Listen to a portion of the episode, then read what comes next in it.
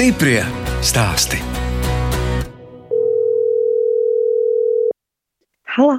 Labdien, labdien! Pilnīgi nesaprotams un tāds sarežģīts laiks jebkuram mazajam uzņēmējam ar šiem daudzajiem ierobežojumiem, un mums tas bija ļoti grūti mēģinam izmantot šo laiku liederīgi. Tā kā esam tieši uzsākuši arī šos restaurācijas darbus, tad slēdzām pilnībā cilvēkiem šīs iespējas mūs apmeklēt. Tā stāsta Kuldīgas novada Kabiles mūžas jaunā saimniece Agate Eniņa. Es, žurnāliste Dāna Zalamane, šoreiz tiekos ar arhitekti, kuras ģimene pirms četriem gadiem izsolē nopirka divas mūžas ēkas - kungu namu un brandvīna brūzi. Pirms diviem gadiem, kad biju Kabilē, tika restaurēta kungu mājas fasāde. Kuldīgas novadā ir burvīgi, brīnišķīgi, talantīgi amatnieki, un mēs viņus arī piesaistām restaurācijas darbu veikšanai. Šī ir kungu ēka ar 300 gadu stāžu, tādai baroks kas tikai 19. gadsimta sākumā tika nedaudz pārbūvēts, un tad viņi ieguva šos klasicismu vaispus ar jauniem apdars elementiem, pilastriem, dzegām un tam līdzīgi. Mēs strādājam ar šiem vēsturiskiem materiāliem, ar kaļķa apmetumu, ar liņeļas krāsām logiem, restaurējam visus logus. Un to var darīt tikai sezonas laikā, jo kaļķa apmetumu nevar ziemas sezonā likt. Tāpēc mums ir ļoti strikts grafiks, kad mēs darbojamies ar restaurācijas darbiem. Var jau redzēt, kā meistars tepat uz vietas jauc kaļķa apmetumu. Tas viss ir roku darbs, mēs nepērkam gatavus maisījumus. Tas sastāvs ir tuvs vēsturiskajam sastāvam, tāpēc arī tai fasādē ir tāds savā ziņā raibums. Tas ir tāpēc, ka tā ir kaļķu jāma un kaļķu apmetums. Un tas arī ir skaisti šādos kompleksos. Neuztaisīt tādu nopucētu, glancētu um, arhitektūru, bet saglabāt to viņa sauru Lietas ūdens notekas sistēma un palodas, tas ir skārda elementi. Tie arī visi ir izgatavoti amatnieku darbnīcā, tepat kuldīgā ar rokām. Redzēt tās puķītes notek sistēmai. Iekšējo daļu vēl restaurējuši neesam nemaz tikai ievilkuši daļā ēkas arī apkurt, jo pats svarīgākais bija šeit iegūt siltas telpas. Visvairāk eh, bojā šo ēku tieši tas mitrums, kas rodas no augstām telpām. Mūža celta pēc tipiskā mūžu plānojuma tā laika tāds tā kā anfilādes princips, kur uh, durvis viņas ir no viena gala līdz otram. Jā. Te ir laikam divas aizmūrētas durvis, padomu laikos aizmūrētas, kas īstenībā izjauc ļoti šo sistēmu. Šī ir bibliotēkas telpa padomu laiku. Un uh, viņai ir ļoti skaists interjers saglabājies ar šiem koku imitācijas paneļiem uz sienām. Tie ir 50. gadi ar saulītas motīvu centrā un ar šo joslu, improvizētu latviešu raksti, izkrāsoti. To mēs plānojam saglabāt. Un šī mums vispār būs tāda um, padomlaika telpa. Mēs jau sākam lēnām vākt uh, dažādas skaitīkļi, jau ir savākti. Jā. jā. Šī ir vēsturiskā seifa telpa ar seifa durvīm, uh, jo šeit bija arī pasts varam pieiet pie kāda loga, parādīšu, cik skaisti ir šie logu mehānismi. Tas arī ir tāda interesanta liecība varās rotē ap savu asi. Cik tādā veidā. Jā, un tie visi ir oriģināli, autentiski saglabājušies. Un ir saglabājušies arī visi šie slēģi, kas ļoti labi darbojas joprojām, pilnīgā kārtībā. Es pat liekas, neticam, kā var būt, ka viņi pat visi varās un uh, perfekti ieiet savās uh, šajās kabatās, kur viņiem ir vieta. Tad, kad būvējām pagribu, tad noņēmām šajā telpā šos grīdas dēļus Protams, viņš ir nedaudz izstaigāts no virspuses, bet apakšs viss savs kā jauns, perfekti. Šīs ir baroneses dzīvojamās telpas, un ir saglabājušās viņas vēstules draugiem, kur viņa raksta, ka viņai nepietiek mūžā istabas, tāpēc viņa sev piecēla vēl divas. Un tā ir tā mazā mājiņa, kas ir uz ceļa pusi. Man tas liekas kurjos gandrīz mūsdienās, ka šajā ēkā var nepietikt telpu. Unikāla telpa Kabilas mūžā ir Baltā zāle. Agate Eniņa stāsta, ka tā ir otra skaistākā Latvijā pēc Rundāles pils. Griesti, kas veidoti liesmojošā rokoko stilā, vēl gaida restaurāciju. Tagad mēs ienākam skaistākajā zālē. Liesmojušais rokoko, mēs redzam visus tos liesmu motīvus tajā stuka apdarē. Un tas visas puķītes, tas ir roku darbs, katra savādāka. Protams, ka mūsdienās tas ir milzīgs izaicinājums to vispār restaurēt. Šo apdari veidoja tieši tie paši meistari, kas rundās Baltās zāles interjeru. Kopā ar Agati Eniņu dodamies uz mūžas pagrabiem, kuru atjaunošanā ieguldīts liels darbs. te atrodas vīna darītava. Un šī ir pati skaistākā lielā zāle, kurā mēs tūlīt atvedīsim savas muciņas. Tā ir vēsturiskā vīna pagraba telpa, kur no ēdama zāles bijušas kāpnes uz leju. Un barons varēja no savas ēdama zāles nonākt, izvēlēties vīnu un uznest saviem viesiem. Tad, kad mēs šeit atnācām, šeit nevarēja tikt iekšā. Mēs līdzām pa vienu lodziņu iekšā, norakām šo milzīgo slāni. Divi metri apmēram, jā? Apmēram, jā, divi metri, tādi milzīgi kalni. Rudenī atbraucām, un līdz ceļiem šeit bija ūdens. Tas bija tā tāds milzīgs basēns. Jau padomu laikos bija sabojāta vēsturiskā drenāža sistēma mūžā, un uh, ūdens šeit krājās. Un mēs apmēram gadu cīnījāmies, lai šo ūdeni dabūtu ārā no pagrabiem, lai grīda būtu sausa. Un grīdas ir eh, saliktas drenāžas caurulītes, kas pilnīgi visu nosedz, tad viņas sakrājas apkā un tālāk tiek izpumpēti ārā šie ūdeņi. Kāda skaista tā kolonna! Jā, tas ir um, krusta vēlmes četras, kas tiek balstītas vidusdaļā. Un te rūtas, tāpēc, ka te tiek žāvēta pagraba. Jā, tad uh, šī ir uh, jau pēcapstrādes telpa, kur mēs spildam uh, vīnu pudelēs. Un šī ir atpūtas telpa, mans lepnums. Pirmo reizi mūžā ir siltais ūdens un kanalizācija. Tā te nekad, nekad nav bijis visu šo 300 gadu laikā. Pirmo reizi arī centrāla apkūra ēkā, jo, protams, ka kādreiz ēkā bija tikai krāšņu apkūra. Ēkas atjaunošana tas jau ir milzīgs darbs, bet kāpēc tad jums vēl to vīnu darīt vajadzēja? Vīna darītava bija tāds pirmais solis, lai mūžu viņai atgrieztu dzīvot spēju. Jo ēka bez funkcijas nevar pastāvēt mūsdienās, un kur nu vēl šī tik liela ēka. Mēs dibinājām vīna darītavu, lai vismaz viens stāvs mūžai būtu ar funkciju. Un mans mērķis ir, lai šī ēka varētu pati sevi uzturēt. Mums jau ir bijuši ciemiņi diezgan daudz, un tad mēs vedam ekskursijā gan pa ārējo parka daļu, gan parādām visas mūžas telpas, pastāstam mūžas vēsturi. Un, protams, kā tāds nobeigums un saldais punktiņš uz itā ir um, vīna degustācija. Kabelas mūžas vīna darītava, ko Agateniņa izveidojas kopā ar Māru Grīvu, šovasar apmeklētājiem būs slēgta, tāpat arī mūža, kur turpināsies restaurācijas darbi. Mēs esam ļoti priecīgi, ka esam pilnībā pārvākuši savu darītavu uz pagraba telpām. Kad jūs pagājušajā pie mums bijāt ciemos, tad eh, mēs bijām pabeiguši remontdarbus, taču darīšana vēl mums notika daļēji vecajās telpās. Tagad mēs esam pilnībā pagrabiņā un esam ļoti laimīgi. Tas viss ir pabeigts, telpas ir gatavas. Mums notiek eh, fasāžu restaurācija, un šogad plānojam līdz sezonas beigām, kas ir eh, novembrī, pabeigt ārējo visu daļu. Mums ir pats pēdējais posms šogad atlicis, kas ir jāpabeidz. Esam uzsākuši restaurācijas darbus Mūžas kungu mājas pirmajā stāvā, kurā Pagājušajā gadā izbūvējām labierīcības, kas bija ļoti, ļoti svarīgi, lai varētu šīs telpas izmantot. Un arī esam um, pirmajā stāvā pilnībā pabeiguši ievilkt um, apkuri un lēnām uzsākam arī pašu telpu restaurācijas darbus. Mūsu pieeja restaurācijā ir ļoti lēna un Mēs maziem, maziem solīšiem to darām. Un visticamāk, ka Baltā zāle jau nu būs pēdējā, kurai mēs ķersimies klāt. Liesmojošies rokoko, kur kaut kādu sabiedrisko ēku interjeros vispār ir pieejams, tas ir Rundāls pilī. Un tā ir ļoti liela atbildība gan šāda mantojuma uzturēšana, gan, protams, restaurācija. Bez turistiem, bet darbu šovasar turpinās nelielā kabeles mūžas vīna darītava mēs nespējam konkurēt ar šo ievesto produkciju. Gan cenas ziņā, gan apjoma ziņā tas ir pilnīgi kaut kas cits. Un šis roku darbs, kas nāk no mazajām darītavām, tas ir atkal kaut kas cits. Mums ir viens īpašs lepnums. Kabilē ir um, mums tādi burvīgi kaimiņi, un viņam ir um, vīnogas, vietas zilā, kas jau iestādītas uzreiz pēc otrā pasaules kara, viens no vecākajiem vīnogas tādiem vispār Latvijā. Platība tur nav liela, bet šie stādi ir iespaidīgi un ievērojami. Jo viņi nav tādi, kā mēs esam pieraduši Itālijā redzēt tādus mazus vīnogu krūmiņus.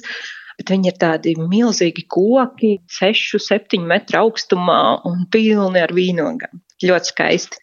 Un um, viņi mums laipni atļāva pirms diviem gadiem šīs vīnogas salasīt. Un mēs spiedām pirmo vīnogu vīnu mūsu darītavā, un tad šogad šis vīnogu vīns ir gatavs. Tās ir tikai 150 pudeles, ko mēs esam ļāvuši cilvēkiem rezervēt, un jau maijā sākumā viņš būs pieejams iegādēji. Tas ir mūsu lepnums. Mums ir arī ļoti tāds iecienīts jauns ābolu sidrs, kas ir um, veidots kopā ar plūškoka ziediem un plūškoka ogām. Sārts pēc krāsas un ļoti, ļoti skaistu, interesantu un izteiksmīgu aromātu, kas nāk no plūškoka ziediņa un šis sārtums ir no plūškoka tumšās odziņas. Tas ir mūsu jaunums vēl viens. Jā. Kādreiz man šķita, ka es esmu diezgan nesabiedriska būtne, ka man ļoti patīk vientulība, ka man vajag atpūsties no cilvēkiem un tam līdzīgi. Un tad šis laiks man pierāda to, cik es esmu sabiedriska būtne. Pietrūkst tieši tā savstarpējā komunikācija, jo man ļoti patīk, kad es jūtu, ko cilvēks domā par to produktu, ka es redzu, vai viņam garšoja vai negaršoja šis dzēriens. Protams, ka mums uzraksta digitālas atsauksmes caur sociālajiem mēdījiem bet ar to nepietiek. Gribas tieši pārunāties un arī caur šīm dažādām ekskursijām un degustācijām, ko mēs vadījām iepriekš, es esmu iepazinusi tik fantastiskus cilvēkus un es jūtu, cik ļoti cilvēkiem patīk tas, ko mēs darām. Tas, kā mēs cenšamies no nekā radīt kaut ko un mēģināt um, sadzīvot ar šo lielo kultūras mantojuma klāstu tas cilvēks ļoti, ļoti uzrunā. Viņiem arī ir prieks pie mums atbraukt. Daudzi ir tādi, kas pie mums atbrauc pat četras, piecas reizes, un vēl pat vairāk. Ļoti liela labvēlība no cilvēkiem turpinās. Tas arī ir tas stimuls, kas ļauj turpināt šos sarežģītos darbus. Nu jā, un tas tagad viss ir mums atņemts. Bet nu, tas jau nav tikai mums, tas ir visā pasaulē, un ar to ir jāsadzīvo. Agate Eniņa ir arhitekte un Rīgas Tehniskās universitātes docente. Pandēmijas laikā darbs notiek attālināti. Tas ir ļoti liels izaicinājums strādāt ar studentiem attālināti, jo es vadu projektēšanas darbnīcas universitātēm, kas nozīmē tomēr ļoti individuāls konsultācijas un to iesaisti, savstarpējo sapratni, un tur jūt šo attālinātā darba ietekmi. Savukārt birojā mums pat dažkārt liekas, ka ir uzlabojies varbūt šis darba režīms, jo ar pasūtītāju ir daudz vieglāk komunicēt šajā attālinātajā režīmā. Mums nav vienmēr jābrauc vairāk stundu attālumā no biroja uz sapulcēm, bet mēs varam viņus diezgan ātri un operatīvi noorganizēt gandrīz jebkurā laikā. Es domāju, ka tā ir pozitīva tendence šīm digitālajām tehnoloģijām attīstoties un ka mēs viņus ieviešam savā tajā ikdienas darba vidē, tas mums palīdz. Agatei Eniņai ir divi bērni, un viņa stāsta, ka bērniem, īpaši dēlam pusaudzim, šis laiks ir pārbaudījums. Manam pusaudzim, kuram ir 15 gadi, un viņam vajadzētu taču tikties ar draugiem ikdienā un tādā veidā iepazīt dzīvi. Un šie bērni, kuriem ir liekts šis socializēšanās prieks, es domāju, ka viņiem tas ir liels, liels pārbaudījums. Protams, es cenšos paceļot pa mužām, gan jau restaurācijā esošām, gan vēl tādām, kurām vajadzētu kaut ko ar viņām darīt. Un Mēs bijām um, Rankas mūžā. Rankas mūžā ir pilnīgi cita pieeja, jo viņiem kungu ēka ir zudusi un palikuši tikai viņas mūri.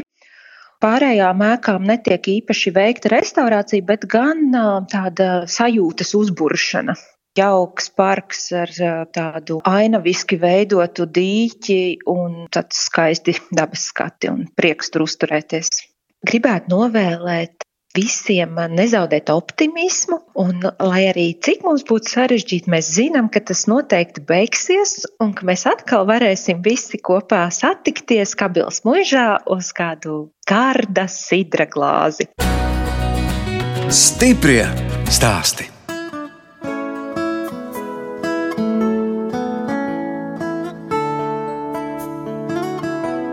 Jūs klausāties raidījuma stipri stāstī. Raidījuma turpinājumā sazināšos ar Ināru Miezīti no Ciblas novada līdumnieku pagasta viensētas grunduļi. Pie Ināras un viņas vīra Valfrēda ciemojos pirms astoņiem gadiem. Valfrēds Latgalē audzē 200 baložus un izveidojis turisma objektu Baložu sētu. Šitie te ārā netiek, viņi te perē. Tos jaunos es izlaižu ārā, es pa visu laiku kādas 3-4 esmu pazaudējis, kas aizlidojuši. Vairākais kāda ir Vistu vānāk, tas ir posts. Pa gadu kāds 10-15 man noēda. Šitam tajā mājā audzina tos maziņos, un tad nes uz to ārpūdu, un tā laiž ārā un skatos viņas lidojumus. Kā lido, viņš ir vēl skaistāks. Cik jums ir dažādas šķirnes? 27 šķirnes. Skaistas kājiņas. Jā. Tā kā ieģērbtas tādos spalvainos. Katram ir savs skaistumiņš. Kurš te ir tas jūsu kolekcijas lielākais lepnums? Man ir vairāk šitādas spoguļasts. Dabūt ar vien gaišāku un gaišāku to krāsu, to pelēcīgu zilu tādu viņu. Mums tad vācu nosaukumi bijuši, un tad viņš bija tā kā spieģels. Ja vācisko pārtulko, tad tā kā ir tā spoguļasta. Kādi ir tie baloži pēc raksturiem? Visi vienādi, vai arī katram Nē, savs raksturs? Katram ir savs, cits ir spētīgāks, cits viņam vajag vairākas mātītes, citam vajag līgas trīs, četras, un tad ir plēšanās un kaušanās. Te tie mazie putniņi, cik tie veci ir? Nu, viņi jau uz kādu divu nedēļu šitie mazliet. Te notiek arī tā perēšana. Jā, jā? jā tā laulība ir piespiedu kārtā, jo katra šķirnīte pa savējiem sapārota. Tad viņi izdēja tās divas soliņas, ap divu vecāku silda, 18 Pre, dienas, oliņas, un pēc tam jau šiļās mazie ārā. Ka izšķiļās mazie, tad ap divu arī vecāki baro. Un piedzimst tādi pilnīgi bez spalviņām? Tad pa pilnīgi klikiņi. Pirmās dienas balodas baro ap divu ar putnu pienu. Kur viņš dabūja, es vēl nezinu. Bet zinātnieki pierādījuši, ka pirmās dienas viņš baro mazo savus ar putnu pienu. Cik ilgi te jums pašam ir tā baloža mīlestība, cik gadus jūs nodarbojaties? Cik es atceros sevi, tad es visu laiku ar viņiem ņemos. Jo mans vecais tēvs ir audzējis baložu Rīgā un, un, un tēvs, un vecākais brālis, un es pats. Tad jau bija daudz vēl baložnieku. Tagad izsīkuši. Kā vīra vaļas prieku vērtēja sieva Ināra. Nemaz nav slikti. Gadu gadiem jau pie tā ir pierasts. Protams, ir bijuši arī visādi tādi interesanti gājieni, kad mums ir kreņķis dārzā, piemēram, sasējam bietītes, aizēja ar baloži noknābājuši. Citreiz viņi maina ēdienkārtu. Nav tā, ka viņi vienmēr tikai uz bietēm, piemēram. Citreiz viņiem garšo kliņģerītes. Vienu gadu viņi man mārtiņu puķis noknābāja. Viņiem laikam rūgtumiņi prasījās. Bet nu par cik lauki ir lieli, tad jau sadzīvojam. 15 lielie truši un viņu mazuļi vasarā dzīvo ārā aplokā. Sākām laist ārā, tāpēc grūti cīnīties ar tām slimībām. Ir, kad dod viņus apsēž un tie visi mazie mošķīši mušiņas.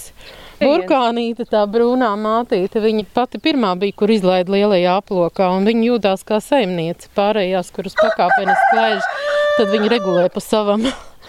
Jo vispirms viņi mums ir būros, tur piedzimst mazie trusēni, tad, kad viņi paaugās, tad mēs viņus ieliekam te lielajā nožogojumā, un tad, kad jau viņi sāk skraidīt un aktīvi paliek, tad mēs laižam lielajā dārzā viņus.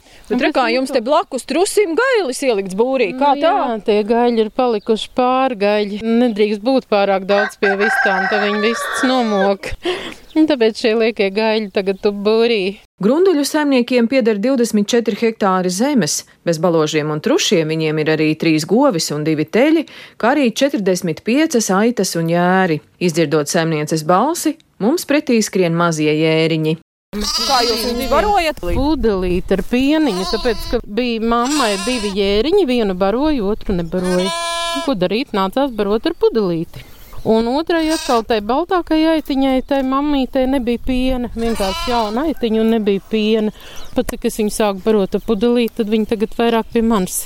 Viņi pieraduši ir tā kā mamma, ja? Jā, kārtīga lauku sēta ar nu, visiem nu, iespējamiem tā, dzīvniekiem. Mēs tā izskaitamies kā lauku sēta, mēs nepretendējam ne uz kādu turismu mītni. Ināra un Valfrēds dzīvoja Rīgā, bet Latgalē Ināras vecstāva īpašumā atgriezās pirms 28 gadiem.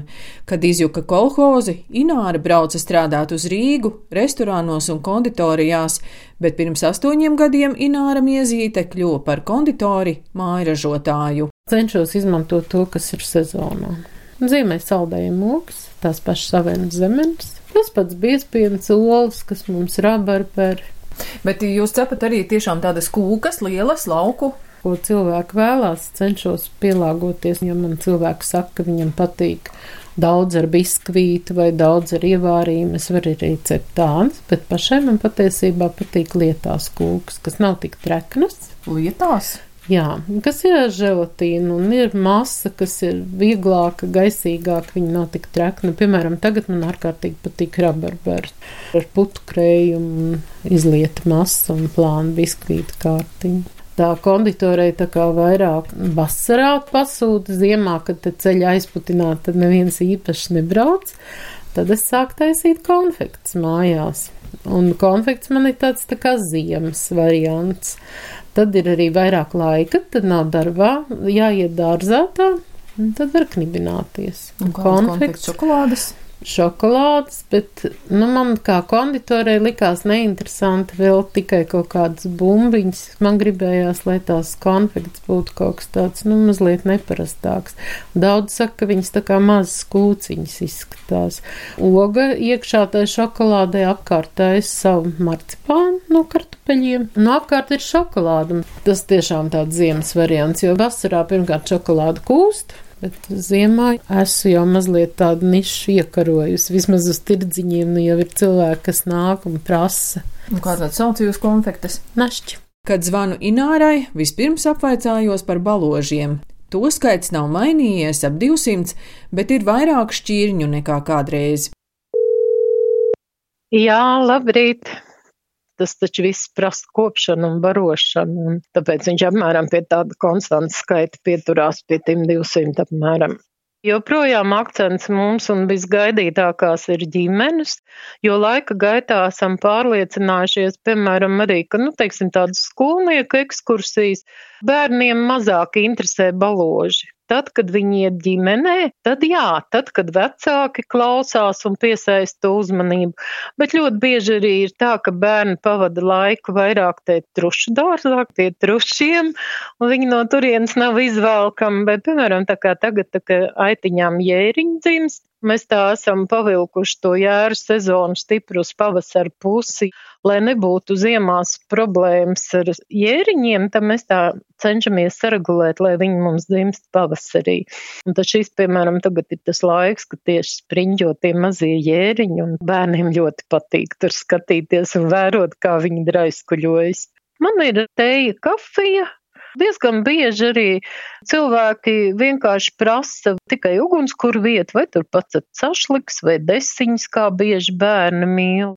Lielo grupu mums vispār nebija salīdzinoši ar citiem gadiem. Bija tikai ģimenes. Līdz ar to tas kopskaits turistu bija mazāks. Ar mājražošanu, protams, šis laiks ir krietni samazinājis to klientu skaitu, jo patiesībā jau nenotiek ar lielu pasākumu. Pie manis lielākoties cilvēki brauc kādu lielāku ballīti tais, jo nav jau vērts tādu gabalu braukt, teiksim, no lūdzes pēc kaut kādas mazas turtītes vai mazas plātsmais. Tas ir liels attālums attālums. Pagājušā gadā mums bija ļoti laba sadarbība Ludzā ar tādu zaļo veikaliņu, kurā mēs vedām savu produkciju, bet nu arī viss šis laiks ir ietekmējis to noiet. Nav pieprasījumi vienkārši.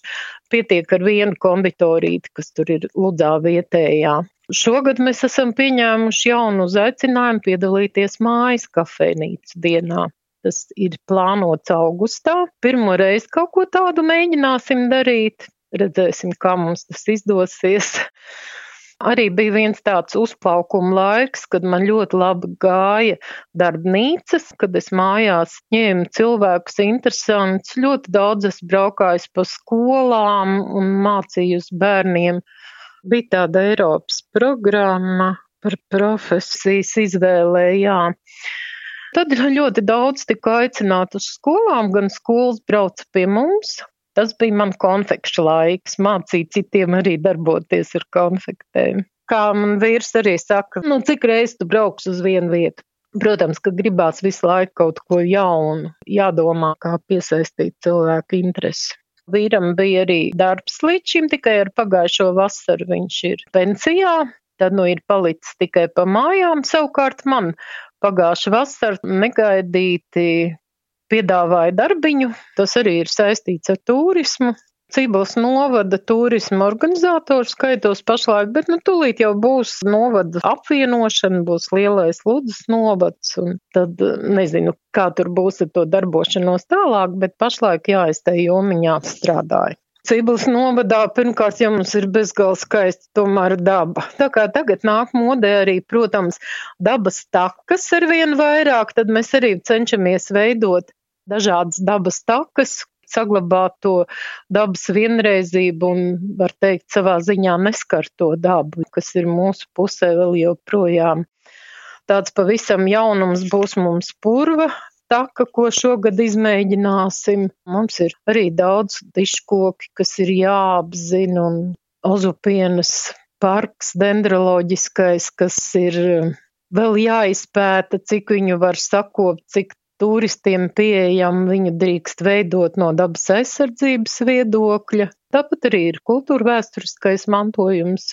Pavisam nesen mums atklāja pagājušā vasarā divus jaunus senos pilskalnus, mazo un lielo trukšānu pilskalnu. Un, protams, populārs ir ķīšu pilskalns ar Budjanskas apmetni. Visi trīs miezīšu dēli dzīvo Rīgā, bet Ināra palepojas, ka tagad viņiem ir arī seši mazbērni. Protams, šis laiks tās tikšanās reizes mums ir, kā saka, sarukušas, bet toties pagājuši vasar bērni daudz dzīvoja pie mums, mazbērni dzīvoja. Tagad, protams, visi kopā mēs neesam sanākuši ļoti sen. Bet nu, mēs sazināmies šādā pat veidā ar WhatsAppiem, ar video zvaniem. Divi dēli joprojām auto jomā strādā, Patiesībā visi trīs viņi strādā ar autoremontiem, tikai viens strādā nu, tādā oficiālā valsts firmā un divi strādā savā privātā sektorā. Kā vīrs saka, mums ir personīgais autoservis un nekad dēlu mūs neatstāja bez mašīnas. Ja viena nojūgta, mums vietā ir cita, kamēr salabo mūsējo. Tā mums liela privilēģija laukos. Galvenais, ka mums ir seši kolosāli mazbērni, kas veido to perspektīvu dzīvē, skaidrs zinot, ka būs turpinājums dzīvē. Vai es pagājušo vasaru bija ļoti jauks ceļojums pa kurzem, bezgalīgi jauki iespaidi. Tagad, kad bērni ir pavisam Rīgā, tad nav kas patiesībā mūs īpaši palaiž. Un kamēr ir mazi mazbērni, tad tā arī ir problēma. Agrāk mums līdumniekos bija ļoti aktīvas, sevišķi pa ziemu, vēlo rudens laiku un agro pavasaru. Mums bija gan nojošanas pasākumi, gan dažādas darbnīcas, ko parasti bibliotekārīt organizēja. Tā visa, jā, pašlaik ļoti pietrūkst. Un parasti, kad esmu bibliotekā, tad arī paņemu kādu jaunu grāmatu palasīt. Man ļoti patīk sevišķi kaut ko no dzējas palasīt jaunu. Tagad jau, kad sākās atkal pavasara, tad ir visi darbi, tā tik vien gribās ātrāk rušināties pa zemi, un, protams, ir visi sakopšanas darbi, jo, kad ir vēji, tad tās lapas liekas sapūš no tālienes grāba un grāba. Šis jau tāds laiks ir, kad, jā, galvenais ir veselība, cilvēkiem izturība un saglabāt optimismu, lai cilvēki nepaliek īgni, lai nenoslēdz sevi lai joprojām saglabās sirds siltumu un dvēseles skaidrību. Ir tas latgaliešu teiciens, turi golvu soltumā, vēdaru olkumā, kojas siltumā, i porģēvoši simtu gadu.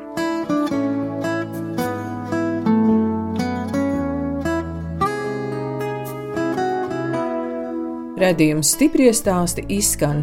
Šoreiz sazinājos ar Ināru Miezīti no Ciblas novada, kas līdumnieku pagasta grunduļos kopā ar vīru izveidojusi baložu sētu un turistiem piedāvā apskatīt arī trušus un aitas. Bet Agate Eniņa atjauno kuldīgas novada kabeles mūžas kungu māju un brandvīna brūzi un izveidojusi vīna un sidra darītavu. No jums atvedā žurnāliste Dāna Zalamane un operātore Inga Bēdele. Uz tikšanos!